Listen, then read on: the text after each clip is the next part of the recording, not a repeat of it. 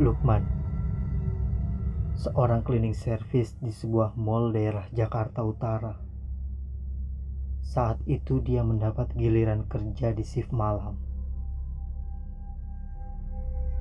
Dia harus membersihkan toilet lebih dulu sebelum ia pulang. Malam itu suasana mall sudah cukup sepi, sehingga dia bisa lebih santai menyelesaikan pekerjaannya. Tapi saat dia sedang membersihkan bilik toilet paling ujung, dia mendengar suara air mengalir dari keran di wastafel. Lukman langsung menoleh ke arah wastafel. Keran air itu menyala tanpa ada orang di depannya. Lukman beranjak dari bilik toilet itu. Dia segera menutup keran air tersebut saat tangannya meraih keran. Dia dikejutkan dengan pintu bilik toilet paling ujung yang tertutup dengan sangat keras.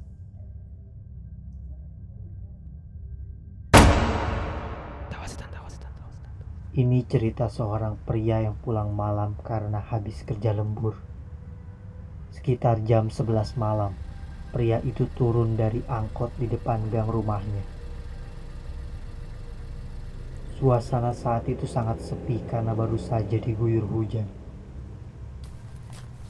Bahkan tak ada satupun motor tukang ojek yang biasa parkir di pangkalan.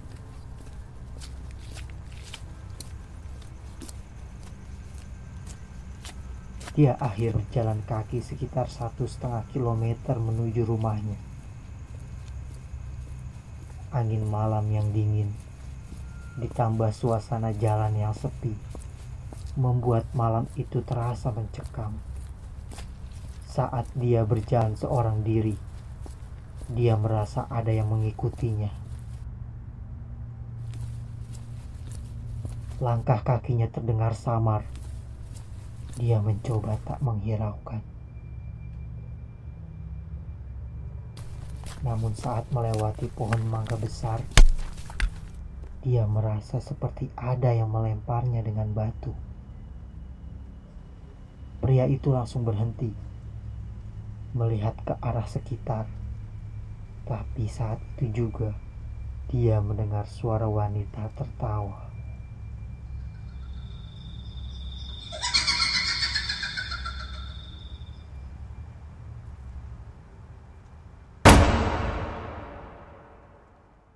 Beberapa mahasiswa sedang sibuk menyiapkan acara untuk besok. Mereka menata aula sedemikian rupa, memindahkan kursi, memasang kain, dan sebagainya. Malam itu aula terasa bising karena mereka. Kebisingan itu terus terjadi hingga larut malam. Sekitar jam 1 lewat 15 menit, satu di antara mereka mendengar ada suara alunan musik. Suaranya terdengar jelas dari ruang sebelah.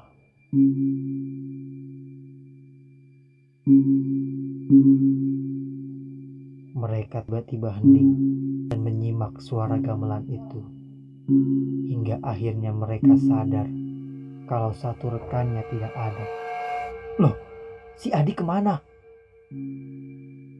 Jangan-jangan mereka mencari Adi ke sana kemari sampai akhirnya memberanikan diri menengok ke ruang sebelah. Dan yang terlihat adalah Adi sedang duduk bersila, tangannya memegang tabu sambil memainkan gamelan. Adi memainkan gamelan itu dengan wajah datar dan sedikit pucat. Dan ketika dipanggil, dia menoleh dengan tatapan yang tajam.